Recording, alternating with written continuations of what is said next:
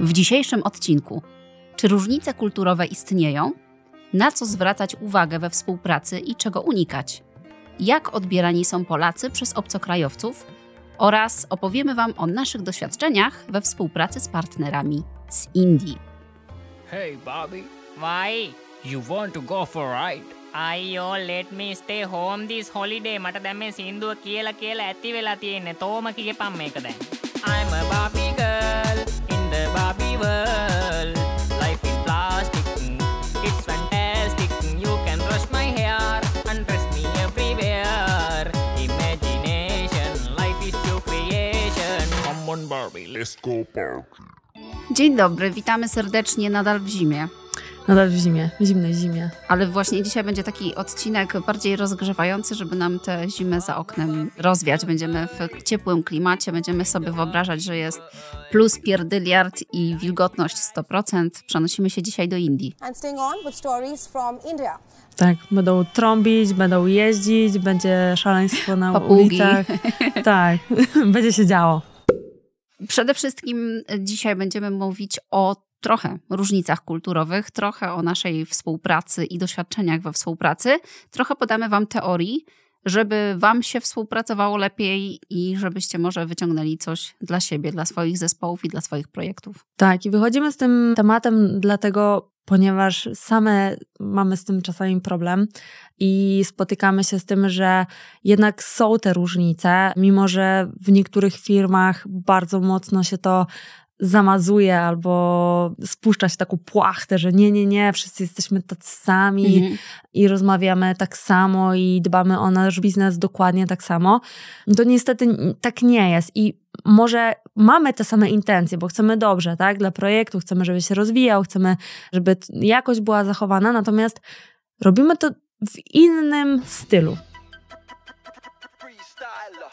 I na początek jeszcze mały disclaimer od nas. To, co będziemy mówić, wynika z naszych doświadczeń, wynika z tego, co zaobserwowałyśmy, co przeczytałyśmy, bo też będziemy Wam polecać dużo źródeł dzisiaj i filmowych, i książkowych, żebyście sami mogli też trochę poczytać, pogłówkować i zastanowić się nad tymi różnicami kulturowymi. Nie chcemy nikogo hejtować, nie chcemy piętnować tutaj żadnych zachowań. Chcemy się tylko odnieść do różnic, które występują między kulturami, które są może nieoczywiste na pierwszy rzut oka, może trochę trudniej jest nam dzięki temu współpracować, ale jeżeli o tych różnicach się już powie i zastanowicie się nad tym, to mam nadzieję, potem będzie Wam łatwiej. Czyli y, dzisiaj odcinek znowu, ja się ciągle czegoś uczę. Ja się cały czas czegoś uczę. Bez przerwy. Ale to mega pomaga, bo z mojej perspektywy, z mojego doświadczenia, ja naprawdę, jak wchodziłam do projektu, gdzie zaczynałam pracę z osobami z Indii, nie miałam zielonego pojęcia o ich kulturze. Nic nie wiedziałam, totalnie. Jak oni pracują, jakie święta obchodzą, jak się wychowują, a to wszystko ma naprawdę znaczenie na to, jak oni się w ogóle zachowują i jak oni angażują się i w jaki sposób powinniśmy ich odbierać.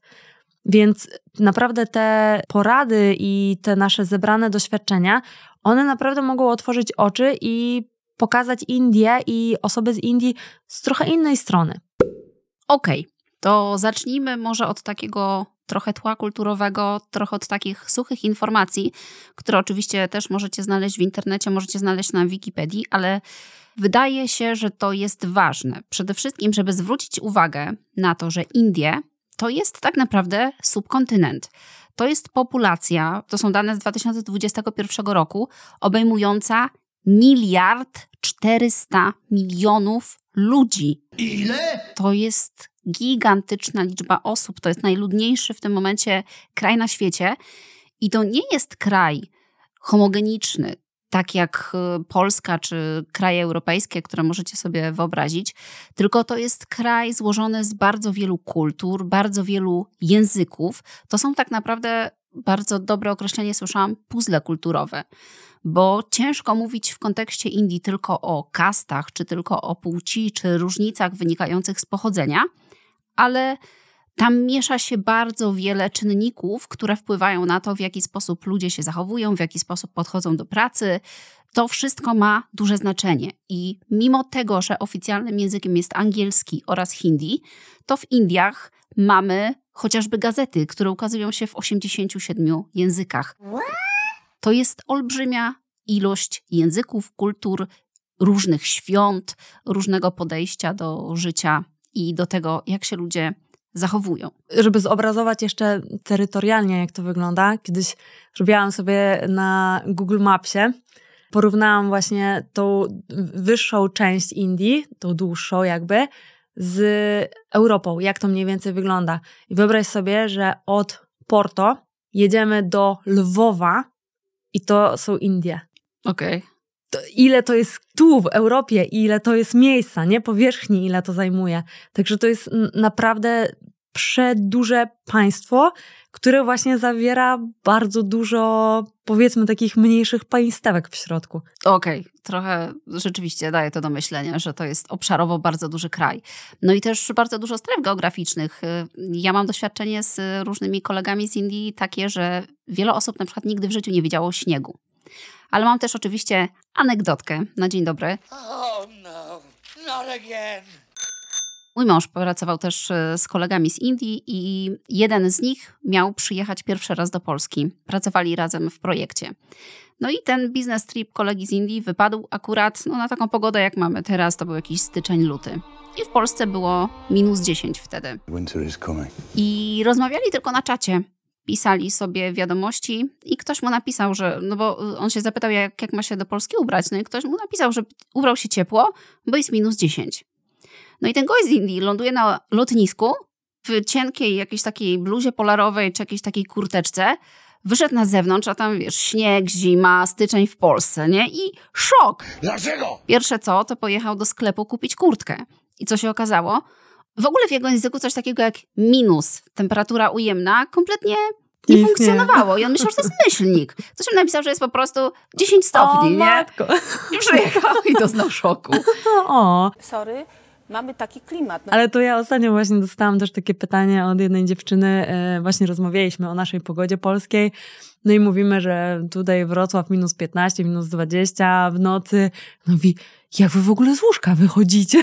Ja mówię, ale słuchaj, no to my nie mamy takiej temperatury w domu. To nie, jest tak. Oni też no nie mają grzejników, nie mają No tak. takich rzeczy. No, dla nich to jest... Ej, w UK też nie mają grzejników. No, tam trochę częściej mają niż w Indiach na pewno, ale no, dla nich to jest szoker, nie? To, co się u nas dzieje i że ty jednak masz ogrzewanie na chacie i tylko na dworze jest zimno. Okej. No ja też z jedną dziewczyną rozmawiałam i ona właśnie mówiła, że jej największym marzeniem jest, żeby kiedyś zobaczyć śnieg. O, Tak. Okej. No O, dobra.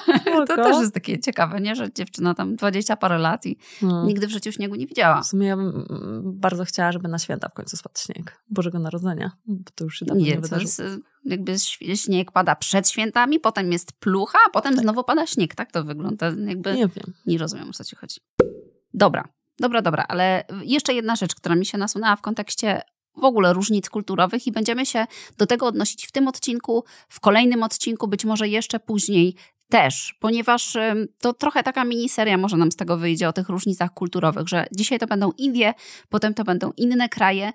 Natomiast core tego wszystkiego to jest taka góra lodowa. Zobaczycie ten obrazek. Osoby, które są na naszym patronajcie, które nas subskrybują, to w newsletterze dostaną obrazek tej góry lodowej. Wyślę wam go, bo to naprawdę warto zobaczyć, że to, co my widzimy, jeżeli mówimy w kontekście czyjejś kultury, czyjegoś pochodzenia, to jest tylko taki wierzchołek góry lodowej. Widzimy jakieś zachowanie i widzimy to, w co na przykład w co ta osoba jest ubrana, y, jak wygląda, czy jeżeli to jest kobieta, czy ma długie włosy, czy krótkie włosy. Takie cechy, które możemy zaobserwować na pierwszy rzut oka, ewentualnie jakim językiem mówi, Mhm. i to jest wszystko. A tak naprawdę nie bierzemy pod uwagę tego, że ta osoba wywodzi się z jakiejś konkretnej szerokości geograficznej, klimatu, z dużej lub z małej rodziny, jaka jest historia tego kraju, tego regionu, z którego pochodzi, jaka tam obowiązuje religia, jakie są przyzwyczajenia, jaka jest chociażby rola kobiet, rola mężczyzn, dostęp do edukacji itd., itd., itd., a także jakie wartości ta osoba wyznaje, bo to może się absolutnie różnić w stosunku do nas. I to nie musi być ktoś z tak dalekiego regionu kulturowego jak Indie, Chiny, Korea, to może być mieszkaniec tego samego kraju, ale też wywodzić się z różnych innych kontekstów kulturowych niż my. Więc zawsze trzeba mieć z tyłu głowy to, że to, że nam się coś wydaje, że ktoś wygląda w jakiś określony sposób, albo jak mówi się często o, o osobach z Indii, że śmiesznie mówi po angielsku, to wszystko z czegoś wynika.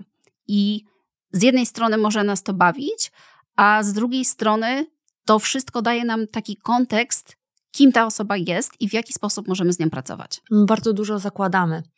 Zakładamy, że ta osoba po wyglądzie ma takie i takie cechy, bardzo przez pryzmat naszych doświadczeń i naszej kultury też y, postrzegamy inne osoby.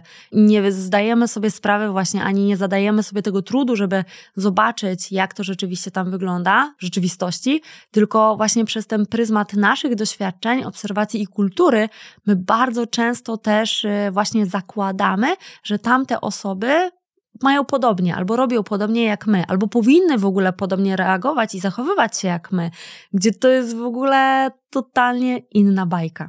Albo nawet poszłabym krok dalej. Czasami jest takie przeświadczenie, że skoro ktoś mówi słabo po angielsku albo zachowuje się w inny sposób, to jest gorzej wykształcony niż my. A trzeba wziąć pod uwagę to, że jeżeli rozmawiamy już o osobach z Indii, które chociażby pracują w korporacji, są na jakichś stanowiskach menedżerskich, to te osoby mogą być dużo mhm. bardziej wyedukowane niż my, bo to są często osoby, których rodziny było stać na to, żeby ta osoba była wykształcona. One mogły się kształcić na uniwersytetach w Stanach Zjednoczonych, w Australii, w Europie lub też w Indiach na uniwersytetach o bardzo dobrym poziomie. Mhm ale być może przez swoje naleciałości językowe czy przez y, sposób wysławiania się sprawiają wrażenie gorzej wykształconych. Does the problem have a strategical impact on the business? Mhm. Ale wróćmy do, do naszej Europy. Zastanów się albo przypomnij sobie, jak osoby na przykład z Niemiec mówią po angielsku, jak osoby z Francji mówią po angielsku, jak osoby z y, Hiszpanii mówią po angielsku. Aż się prosi tutaj moja ulubiona scenka We are thinking. What are you thinking about? I każdy, właśnie każdy ma trochę inne naleciałości, każdy ma inaczej wykształcony ten aparat mowy i tak samo jest w Indiach. Wspomniałaś o tym, że tam jest tak dużo języków różnych, którymi oni się posługują na co dzień, więc ten język angielski i to, że czasami trudno jest zrozumieć osobę z Indii, jak mówi po angielsku, to jest właśnie ten aparat mowy. On jest inaczej wykształcony i, i niestety, ale zniekształca często to, co po prostu oni mówią. No, to ma sens. A z drugiej strony jest to też pewne przyzwyczajenie, ponieważ część osób też. Mm, korzysta chociażby z filmów, z muzyki i tak dalej, pochodzących właśnie z tego regionu, w którym są. Niekoniecznie słuchają rzeczy w mhm. oryginale po angielsku i przez to ten język angielski też jest trochę zaburzony, bo uczą go osoby, które nie mówią świetnym angielskim. No ale w polskich firmach jest to samo. Czasami Pewnie. wystarczy posłuchać naszych kolegów y, z zabiórka, jak mówią po angielsku. Frankly, I don't want to hear the same story once again, okay? I również robi się przykro, albo na przykład jak ja mówię po niemiecku, no to też niektórym pewnie uszy więdną. Dlaczego? Więc no, no tak jest. No niestety, no to nie jest nasz pierwszy język i nie będziemy w nim perfekcyjni, tak? Nawet, nawet w naszym ojczystym języku czasami nie jesteśmy perfekcyjni, robimy błędy. A taj, o lachach mówią. Z drugiej strony ja mam też takie doświadczenie, jakby jak w lustrze, że osoby z Polski, Rosji, Niemiec, my jesteśmy w stanie zrozumieć swój akcent z angielskiego. Natomiast osoby z Indii często nie rozumieją nas bo my także mówimy z akcentem. My tego tak. nie słyszymy na co dzień.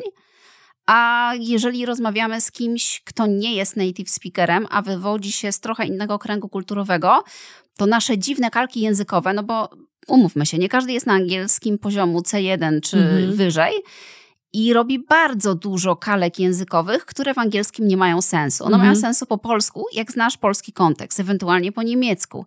No ale w Indiach już zupełnie nie. I zdarza się, że osoby z Indii nas po prostu nie rozumieją w ogóle ze względu na akcent albo ze względu na dobór słów, bo tak mhm. tak też jest. I tu właśnie patrzymy na tą drugą stronę medalu, nie? Jak oni nas odbierają. Bo oni właśnie też odbierają nas inaczej niż my sobie sądzimy, że my jesteśmy tutaj ekstra, gadamy po angielsku No jesteśmy, w ogóle. wszyscy Polacy Ich nie rodzina. rozumiemy, tak, ich nie rozumiemy, co oni tam mówią, a nagle się okazuje, że może oni wcale nas też nie rozumieją. No i język mówiony to jest jedno i na to zawsze jest patent taki, żeby jeżeli czegoś nie rozumiecie albo jeżeli jakieś spotkanie było ważne i chcecie je podsumować, to warto jest to wszystko podsumować na piśmie albo w mailu, albo na czacie, żeby wszyscy mieli poczucie, że jednak e, rozmawialiście o tym samym i ustaliliście jakieś konkretne rzeczy, a nie o kompletnie różnych e, sprawach, bo to jest istotne. I zwłaszcza jeżeli mówimy o kontekście biznesowym, jeżeli mówimy o firmie, o tym, że ustalacie coś w projekcie, to napisanie tego pomaga. I to jest moje doświadczenie w pracy właśnie z, z osobami z Indii, że po spotkaniu, jako podsumowanie, kilka zdań tak naprawdę, co zostało ustalone, i to wystarczy, bo po pierwsze, odświeży Wam się później pamięć i na następne spotkanie będziecie przygotowani, a po drugie, wszyscy będą mieć poczucie, że zrozumieli dokładnie to samo. Jeżeli ktoś zrozumiał inaczej, to wtedy można się do takiego maila odnieść. Także myślę, że to jest dobry patent. A jeżeli mamy problem tak na co dzień z, z tym akcentem i jest nam trudno zrozumieć te osoby z Indii, to warto po prostu z nimi pisać na czacie. I rzeczywiście używać tego czata, wtedy mamy język pisany, jest łatwiej nawet wrzucić translate'a, jeżeli ktoś ma z tym problem albo cokolwiek. No i jest po prostu inaczej, tak? Także tu czat, jeżeli ktoś rzeczywiście średnio jest w stanie zrozumieć kogoś. Okej, jeżeli chodzi w ogóle o takie konteksty kulturowe indyjskie i jeżeli chcielibyście sobie więcej na ten temat poczytać, to uwaga, książka, polecanka książkowa numer jeden dzisiaj. To jest książka, a także serial, on jest chyba na Apple TV, tak mi się wydaje. Nazywa się Shantaram. Książka to jest przegigantyczna cegła i ma też swoją kontynuację, która nazywa się Cień Góry i Cień Góry jest jeszcze większą cegłą niż Shantaram. I to jest opowieść e, fabularna oczywiście, to nie jest e, historia Indii. Jeżeli chcecie zacząć od serialu, spoko, bo jakby tam jest przedstawiony plot tej historii, on trochę się różni od książki, ale fajnie się to ogląda. Natomiast książka to jest skarbnica wiedzy o kulturze Indii, o językach, o tym, z czego wynika chociażby kiwanie głową na boki, dlaczego są jakieś święta, dlaczego mm, je się rękami, którą ręką się je, jak podaje się ręce, w jaki sposób y, traktuje się gości, w jaki sposób traktuje się obcokrajowców? I dlaczego. Jeżeli chcecie trochę więcej o tej kulturze Indii poczytać, to naprawdę Shantaram jak najbardziej serdecznie Wam polecam. No dobra, a tak na co dzień.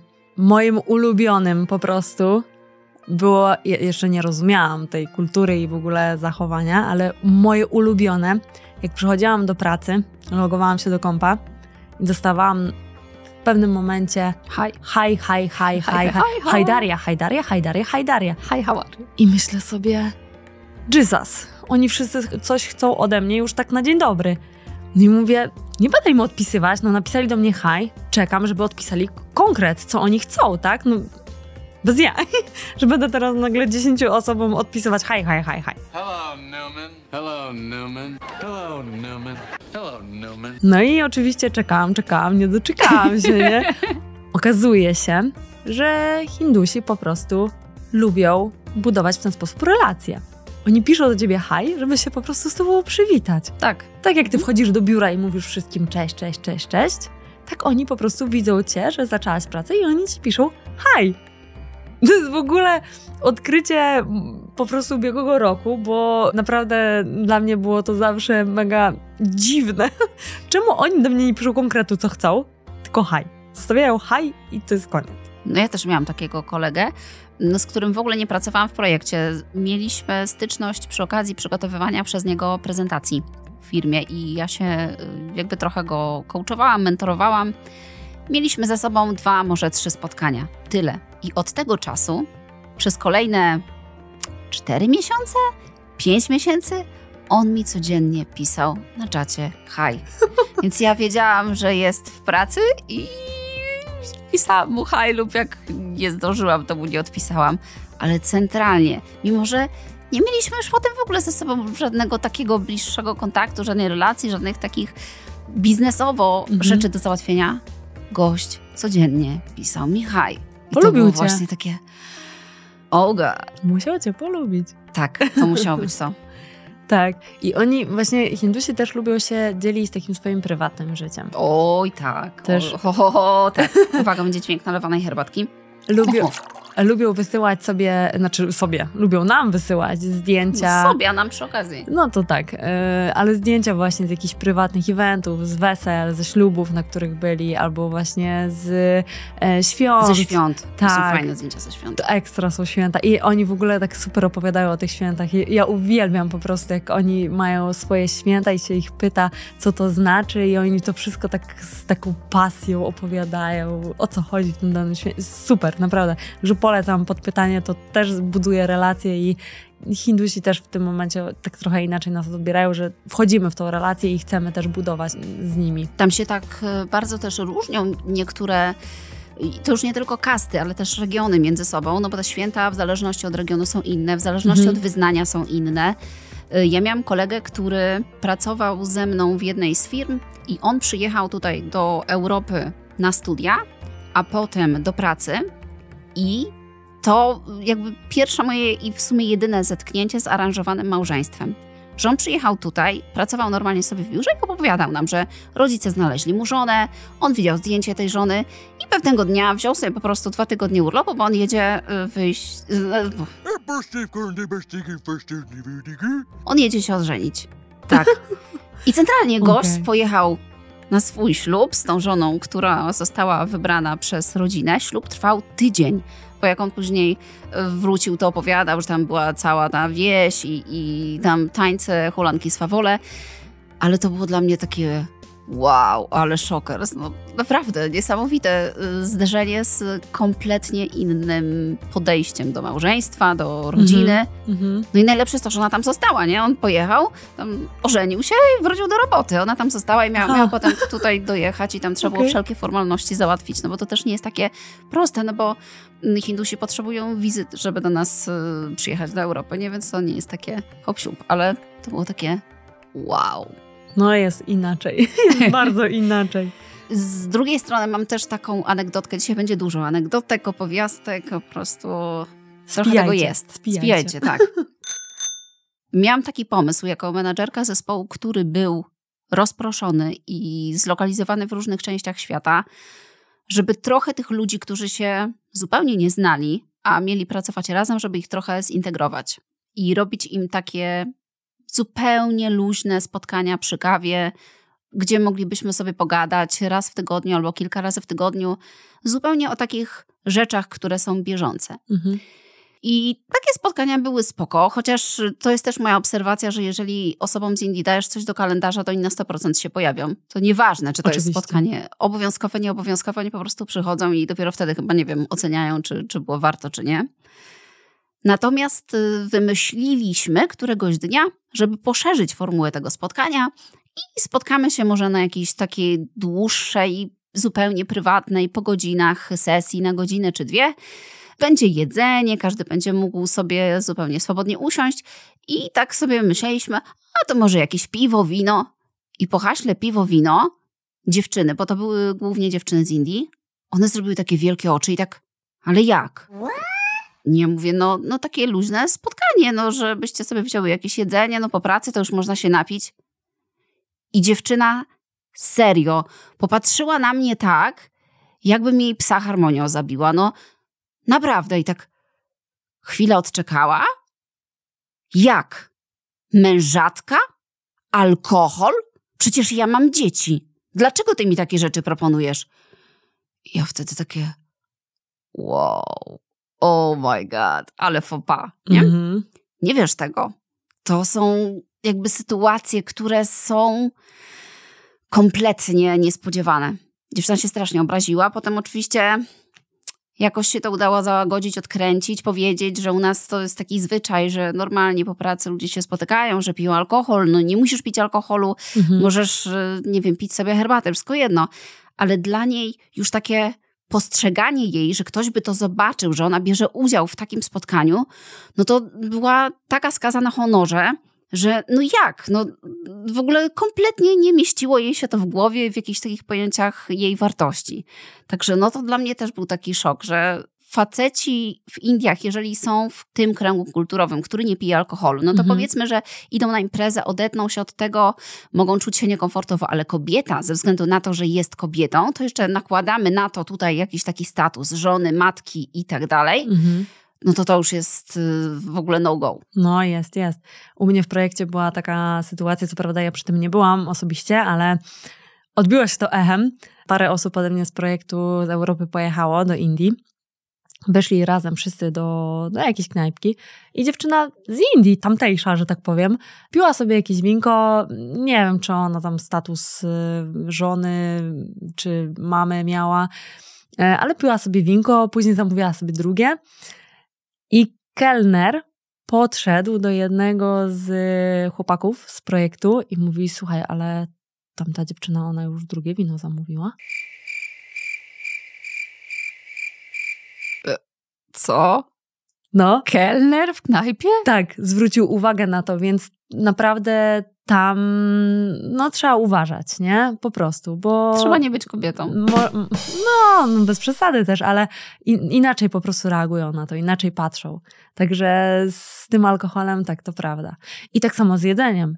Jeżeli my gościmy kogoś z Indii, to po prostu może zapytajmy go, na co ma ochotę. Tak będzie po prostu łatwiej i nie popełnimy takiego pas, że coś tam nie wstrzelimy się. Pójdziemy na Steki. burgery.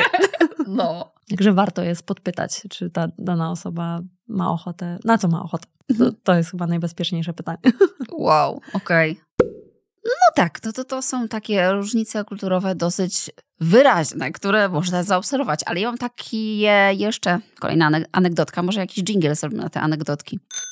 Kolejna anegdotka jest taka już totalnie pracowa, to już nie są ploteczki, że coś tam się wydarzyło po godzinach. Miałam niezwykłą przyjemność pracować e, z menadżerem z Indii i z całym zespołem indyjskim. Ktoś wpadł w ogóle na genialny pomysł, bo to jest mm, takie myślenie korporacyjne, że weźmiemy sobie projekt i ten projekt ustawimy sobie z Excela. W Excelu masz ilość osób, ilość pracowników, ilość menadżerów no i zrobimy z tego projekt. Byleby się numerki spięły. Dokładnie. A skąd są te osoby? Gdzie one są zlokalizowane? Jakiej są płci? To już jest w ogóle wszystko jedno. I biorąc pod uwagę taki setup, wylądowałam jako menadżerka zespołu złożonego z 10 facetów w Indiach. I to Mhm. jeszcze w dwóch lokalizacjach w Indiach, konkurujących ze sobą, jak się później okazało, ośrodków Bangalore i Bombaj. O, pomijając sceny dantejskie, które tam się działy, między tymi dwoma ośrodkami IT, które naprawdę zachowują się w stosunku do siebie wrogo. To nawet nie jak zwolennicy PiSu i PO, że się napierdzielają słownie. To tam na każdym demo, na każdym jakimś spotkaniu, tam były przepychanki słowne albo do tego stopnia goście potrafili się dojeżdżać, że tak brzydko powiem, że przed klientem na demo tam padały hasła Ej, udowodnij, że coś zrobiłeś. Nie wierzę ci, że to napisałeś. Nie wierzę ci, że zrobiłeś testy. Co ty gadasz? Tak. Tam były takie sceny. No i ci goście, którzy nigdy wcześniej nie pracowali z kobietą, najprawdopodobniej ani w zespole, a już jako menadżer to jakby pomińmy ten aspekt, bo to zdarza się dosyć rzadko. Mieli ze mną problem, po prostu. Nie z tym, że byłam niekompetentna, nie z tym, że nie wiedzieli, co ja mówię, tylko z racji tego, że byłam kobietą, zupełnie nie słuchali tego, co ja mówię. Udawali, że mają problem ze słuchem. Mhm. Permanentny. Mhm.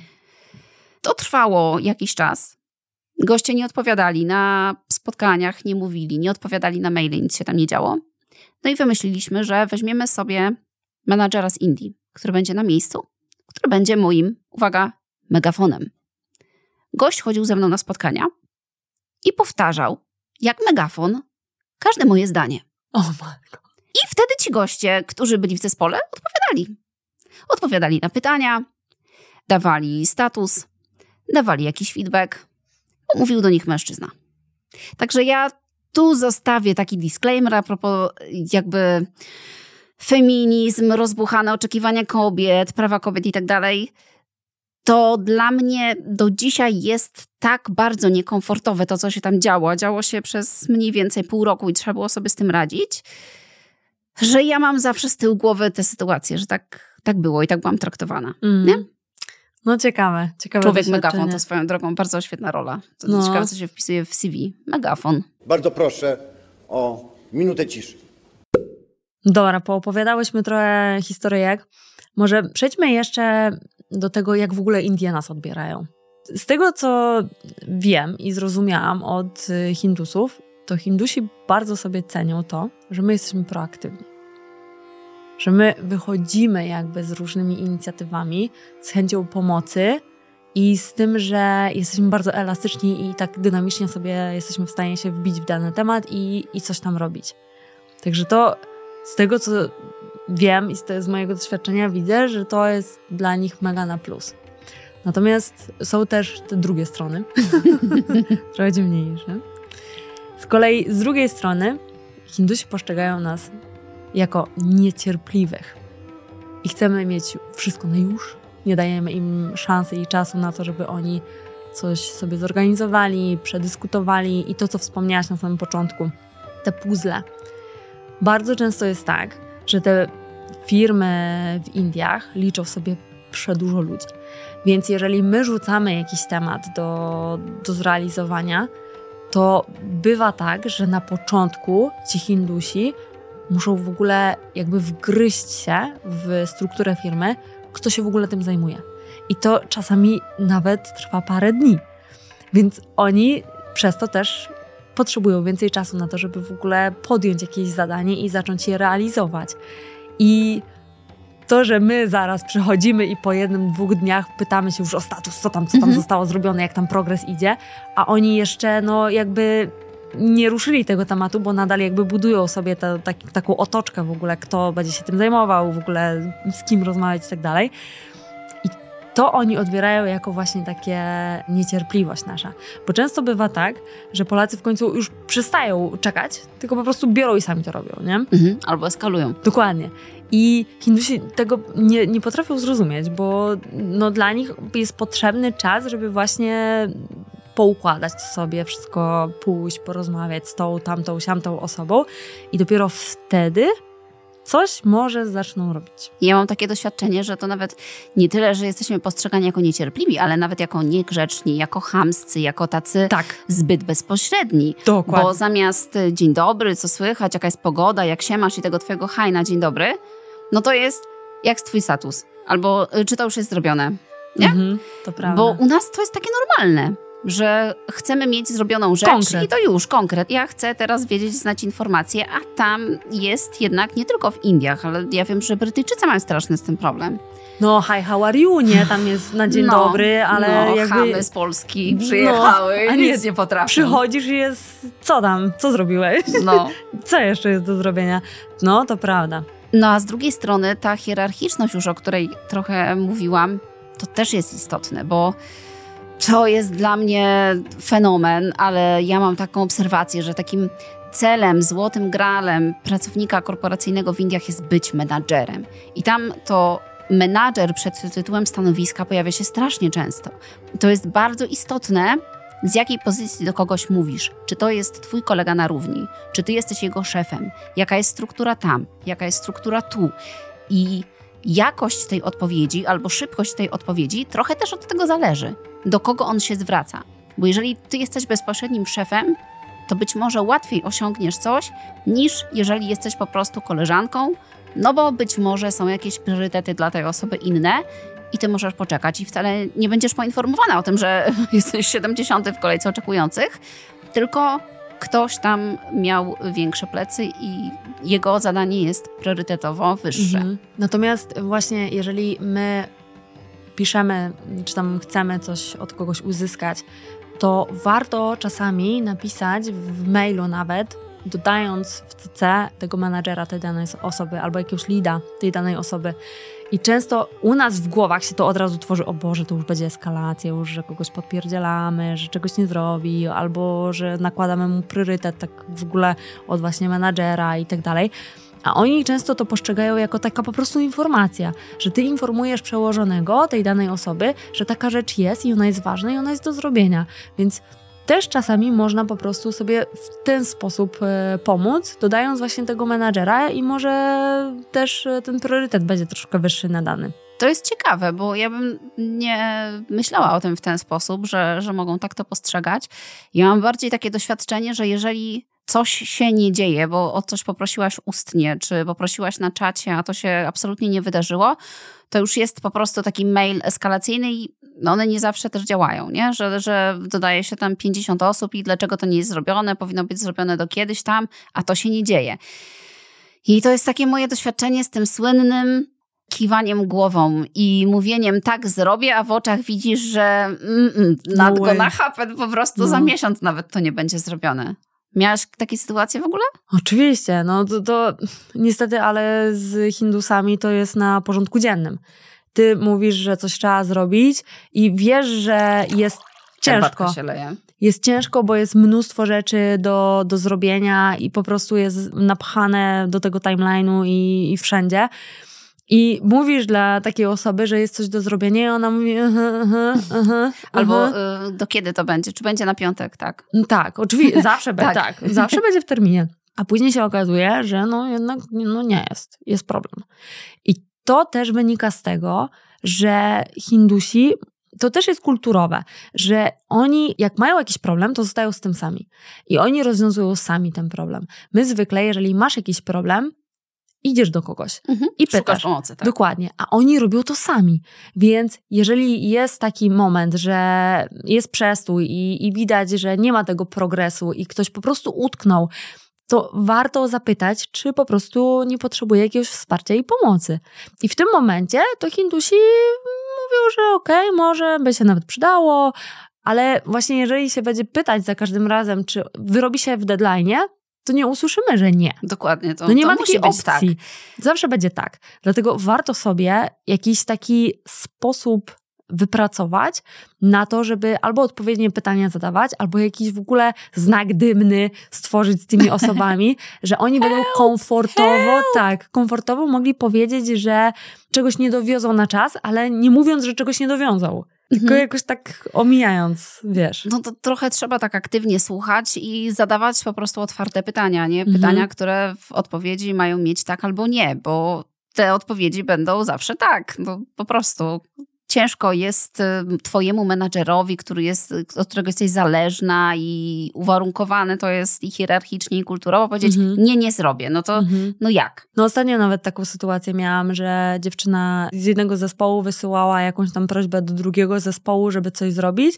No i ta dziewczyna z Indii właśnie napisała, wiesz co, wyślij e, to albo do mnie, albo do takiej innej koleżanki, tylko ta inna koleżanka była na tygodniowym urlopie, więc w sumie bez sensu było jej to wysyłać, a ona wiedziała, że, że tamtej nie ma.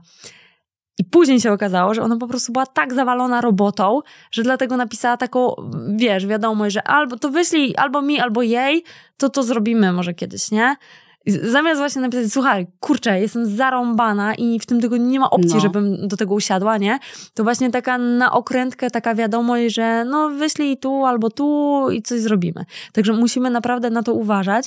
I jeszcze jeden taki przykład właśnie, y, jeżeli my o coś pytamy i prosimy, żeby coś ktoś zrobił, właśnie z Indii, i ta osoba na przykład nie czuje się, mm, jeżeli chodzi o kompetencje albo właśnie o deadline, to możemy nawet usłyszeć coś takiego, że no, no mam w podobnym obszarze kompetencje, więc może jakoś coś tam zrobię.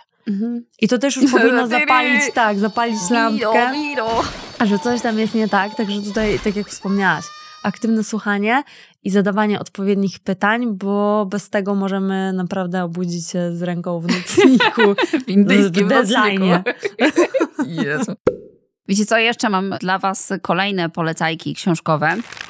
Kompletnie różne pozycje to będą, bo pierwsza książka to będzie taka naprawdę naukowa i dająca wam kontekst, jeżeli chodzi o kultury. I to się nazywa Mapa kulturowa Jak skutecznie radzić sobie z różnicami kulturowymi w biznesie. I tę książkę y, wydało wydawnictwo Znak Libernowa. Autorem jest Erin Mayer i to jest y, książka, którą będziecie mieć później w y, opisie odcinka i na YouTube i na Spotify. Możecie tam sobie kliknąć. Warto tę książkę poczytać, bo jest naprawdę fajna i, i daje takie tło jeszcze szerzej niż my tutaj pogadałyśmy o w ogóle o różnicach kulturowych. Także serdecznie Wam tę książkę Mapa kulturowa, jak skutecznie radzić sobie z różnicami kulturowymi w biznesie polecam. A kolejna książka, dzisiaj jest jakaś księgarnia po prostu. Cała Polska czyta dzieciom. Tę książkę przyniosłam ze sobą. Ona u mnie w domu już jest jakiś czas, jest tak zniszczona. Daria potwierdzi, po prostu coś tę książkę już zjadło, bo tyle osób ją czytało, bo każdemu ją polecam i ją pożyczam. Na szczęście jeszcze cały czas do mnie wraca. Książkę polecił mi też kolega z Korpo, kolega deweloper. Bardzo dziękuję za tę polecajkę. Ona się nazywa Spowiedź Hanna Solo. Byłem przemytnikiem w Indiach. I to, to jest petarda. To jest książka, która mm, pokazuje lata 80., 90. z perspektywy Polaków, którzy wymyślili sobie, którzy znaleźli sobie taką, powiedzmy, niszę ekologiczną w czasach rodzącego się w Polsce kapitalizmu, że po prostu zajęli się przemytem z Indii do Korei, z Korei do Indii, z Polski do Indii, z Indii do Polski. To są takie historie niesamowite, co tam się działo. Naprawdę historie kobiet, mężczyzn, tego jak wozili magnetowidy pod ubraniami, no po prostu cyrk na kółkach. Ale ona daje tak fantastyczny pogląd na to, jak różni są Polacy i Hindusi i jak podobni są w niektórych obszarach. I też w jaki sposób w ogóle taka przedsiębiorczość jest tam postrzegana. To oczywiście no, książka y, opowiada o latach 80., 90., więc y, to się zmieniło. Indie też się zmieniły od tego czasu, ale pewne rzeczy jednak są uniwersalne. A poza tym jest tak świetnie napisana, że naprawdę czyta się to jednym tchem, chociaż jest to całkiem spora książka. Są też zdjęcia w niej właśnie z, z tamtego czasu, zdjęcia tych e, przemytników. Znaczy czujecie, gość był przemytnikiem, Przy, przyznaje się w tej książce, że był przemytnikiem, tak? Nie podaje imion i nazwisk tych osób, które z nim współpracowały. Oni wszyscy mają pseudonimy, Uf. więc to jest takie, można się w tym rozpoznać, jeżeli ktoś w tych procederach tam uczestniczył. Natomiast no, czyta się to jednym tchem i daje też świetny pogląd na to, jak te Indie wyglądały, jaki właśnie jest podejście i Polaków, i Hindusów do różnych tematów. Także bardzo serdecznie Wam to polecam. Autorem tej książki jest Cezary Borowy. I to jest warte przeczytania. Jest też druga część później o kobietach, tam bardziej chyba później o przemytni, przemytniczki złotych kości chyba się nazywa, tak mi się wydaje. Ale ten spowiedź Hanna Solo to tak, jak najbardziej polecam. Ale to jeszcze nie wszystko, bo jeszcze mamy dla Was informację, która jest bardzo cenna dla nas, dla Was i mam nadzieję, że się niedługo spotkamy, ponieważ w marcu, 2 marca dokładnie, we Wrocławiu odbędzie się konferencja Test Fest, na której ja jestem od drugiej edycji chyba? Co roku, tak mi się wydaje, że nie byłam na pierwszej, a na później każdej kolejnej byłam, bo jakoś tam się wkręcałam, albo byłam prelegentką, albo byłam nie wiem kim, ale byłam. Uczestnikiem. Uczestnikiem. Uczestnikiem to chyba nigdy nie byłam. Zawsze coś robiłam. Zawsze próbowałam kogoś wkręcić. Ale w tym roku my dwie, gwiazdy sezonu, Daria Dobrzańska, Kinga Witko w prezentacji pod tytułem Nieważne co robisz, ważne jak o tym mówisz. mówisz. Czyli o tym, jak wyróżnić się na rynku pracy, będziemy mówić my. Będziemy mieć prezentacje, prelekcje, i będziemy z Wami się widzieć na żywo. Także mam nadzieję, że macie bilety. Jak nie macie biletów, to wiecie, możecie stać przed wejściem, łapać autografy, będziemy, pozwolimy ze sobą sobie zrobić zdjęcie, selfiaczka, czemu nie? Nie bójcie się do nas podchodzić, nie gryziemy. Będziemy mieć dla Was fajne gifty, zwłaszcza dla osób, które przyjdą na naszą prezentację, to może jakieś fajne gadżety się znajdą. Będziemy mieć oczywiście cudowne nasze naklejki, także zapraszamy Was serdecznie do nas, przywitajcie się, powiedzcie, że nas słuchacie. Będzie nam bardzo miło zobaczyć Was na żywo i zobaczyć, że są prawdziwe osoby, które nas słuchają. Żywe osoby. Żywe osoby. bardzo miło nam będzie zobaczyć żywe osoby, tak. To, to, taka klamra. Tak, zapraszamy, zapraszamy. To jest naprawdę super konferencja. Ja chyba też w zasadzie dwie edycje tylko opuściłam, odkąd one istnieją. Ostatnio znalazłam nasze zdjęcie, jak ja robiłam prezentację, tam leżałaś na krzesłach, czy nie? Co robiłaś? Machałaś? Nie. powiedzieć. Nie wiem, ale tak, konferencja jest ekstra, też mam do niej ogromny sentyment, także mega się cieszę, że, że udało nam się i jesteśmy na liście prelegentów. Jesteśmy w agendzie. Jesteśmy w agendzie, także zapraszamy i tak, łapcie nas, rozmawiajcie z nami. I chodźcie na konferencję. Zapraszamy, tak. Trzymamy kciuki, żebyście dostali bileciki. Podsumujmy trochę nasze dzisiejsze gadanie, bo trochę tego rzeczywiście nam wyszło i różnic kulturowych, i samych opowieści o Indiach, o tych naszych doświadczeniach związanych z Indiami. Co jest najważniejsze, tak naprawdę, jeżeli mówimy o tych różnicach kulturowych? Dla mnie bardzo ważna jest ta góra lodowa, czyli widzimy tylko czyjś wygląd, widzimy tylko czyjeś zachowanie i na tej podstawie nie bardzo możemy wnioskować, kim ta osoba jest, a przede wszystkim oceniać jej wykształcenie, czy zastanawiać się na temat jej kultury, czy tego, z czego wynika jej zachowanie. Musimy tę osobę poznać. Najlepiej, żeby kogoś poznać, jest po prostu porozmawiać, zadać pytanie, zbliżyć się trochę do tej osoby, a nie wysnuwać wnioski na podstawie w sumie nie wiadomo czego. No to w sumie taki fajny protip, jak wchodzimy do projektów albo nowe osoby dochodzą do naszego projektu, warto się nawet dzwonić na takie 15-20 minut i po prostu przywitać się, porozmawiać właśnie tak bardzo luźno, opowiedzieć o sobie, o swojej roli, zapytać, co ta dana osoba będzie robić, albo co już robi w danym projekcie, tak żeby właśnie już nawiązać jakąś tam relację, taką nawet delikatną, nie? Żeby tylko po prostu jakby podać rękę, powiedzieć cześć i, i to już na pewno ułatwi nam później współpracę z tą osobą. Pamiętajcie, że my postrzegamy w jakiś sposób osoby z innych kultur, ale my tak samo jesteśmy postrzegani jako e, czasami osoby z innej planety, z Mhm. kompletnie wygórowanymi wymaganiami, osoby niecierpliwe, osoby, które mają cały czas jakieś pretensje albo są niemiłe i nieuprzejme. Mhm. Także wyjdźcie troszeczkę spoza naszej polskiej strefy komfortu i zdobądźcie się na to haj, na jakieś ciepłe słowo, na miłe rozpoczęcie spotkania, a nie od razu z grubej rury do rzeczy, bo to też na pewno ułatwi późniejszą komunikację i późniejsze budowanie relacji. Tak, i jeszcze jeżeli chodzi o właśnie tą komunikację, pamiętajmy o tych takich ładnych słowach. Ładnych słowach, czyli could, might, would, bo y, często też y, słyszę, jak ludzie z Polski mówią, że you must, no, no, no nie powinniśmy tak mówić, tak? Używajmy właśnie tych zwrotów takich could, might, Zwroty would. grzecznościowe. Dokładnie, piękne, tak, piękne zwroty y, i to na pewno też zbuduje nam trochę le- lepszą relację. Z takich nowinek jeszcze, ja dzisiaj same polecajki, ja nie wiem, po prostu spędziłam ostatnie dni, tygodnie chyba siedząc tylko o kulturę Indii, przerabiając, ale ja jakoś natrafiam na takie rzeczy. Na Amazonie ostatnio pojawiła się seria Jamesa Maya, tego Jamesa Maya od Top Geara. Jeżeli ktoś Top Geara oglądał, to wie o kim mówię. On ma takie krótkie serie o różnych krajach. To jest chyba trzecia albo czwarta seria o Indiach. To jest trzyodcinkowy chyba serial, tak mi się wydaje. Zupełnie dokumentalny. To jest tak, że Amazon y, bierze dużo pieniędzy, bierze Jamesa Maya, jadą do danego kraju i on robi jakieś tam rzeczy.